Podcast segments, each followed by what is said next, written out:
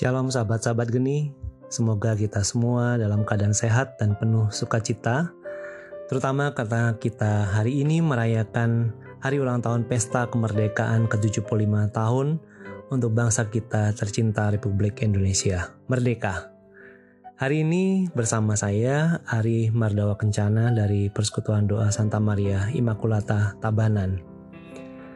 Hari ini orang Farisi diceritakan bertanya kepada Yesus sebuah pertanyaan, bukan pertanyaan biasa, tapi pertanyaan untuk menjebak dan menjerat Yesus. Apakah boleh membayar pajak kepada kaisar? Pertanyaan yang jawabannya serba salah. Bila dijawab boleh oleh Yesus, dia akan dimusuhi oleh orang Israel dan dianggap membela penjajah Romawi. Sementara apabila jawabannya tidak, dia akan sebaliknya dianggap melawan orang-orang Romawi. Kenyataan bahwa orang-orang Farisi yang jelas-jelas anti pemerintah Roma datang bersama kaum Herodian, pendukung Raja Herodes yang pro pemerintah Roma bergabung bersatu, menunjukkan bahwa memang ada udang di balik batu, di balik hubungan mereka yang terlihat aneh ini. Tetapi Tuhan Yesus tahu kemunafikan mereka, dan jawaban Tuhan Yesus sungguh di luar dugaan mereka. Dalam setiap koin ada dua muka, ada hak, ada kewajiban. Berikanlah kepada kaisar apa yang wajib kamu berikan kepada kaisar, dan berikanlah kepada Allah apa yang wajib kau berikan kepada Allah. Secara prinsip, Yesus ingin mengatakan bahwa kita wajib untuk memberikan kepada kaisar apa yang menjadi hak kaisar. Ini berarti sama seperti yang dikatakan oleh Rasul Paulus. Kita harus taat kepada pemerintah selama pemerintah tidak menentang hukum ilahi. Kita dapat melihat dalam Roma 13 1 7. Kemudian apa yang harus kita berikan kepada Allah? Kita harus mengasihi Allah dengan segenap hati, segenap jiwa, segenap akal budi, dan segenap kekuatan kita dan memberikan seluruh diri kita untuk mentaati seluruh perintahnya dan janji kasih kita kepada Allah.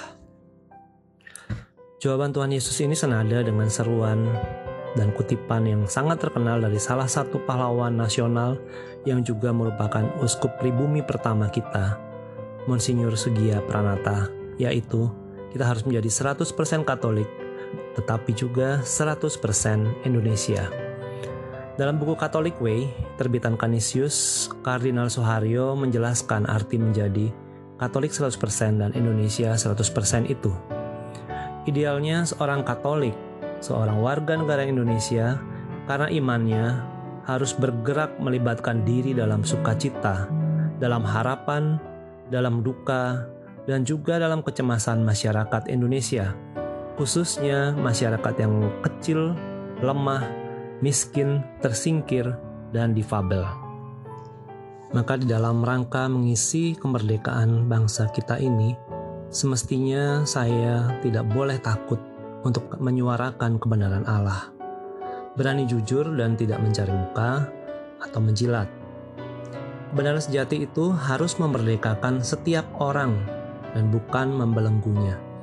Rasul Petrus dalam suratnya kepada umat Kristen di Yahudi mengatakan, hiduplah sebagai orang merdeka dan bukan seperti mereka yang menyalahgunakan kemerdekaan itu untuk menyelubungi kejahatan-kejahatan mereka seperti yang dilakukan oleh orang-orang Farisi dan orang Herodian tadi. Tetapi hiduplah sebagai hamba Allah.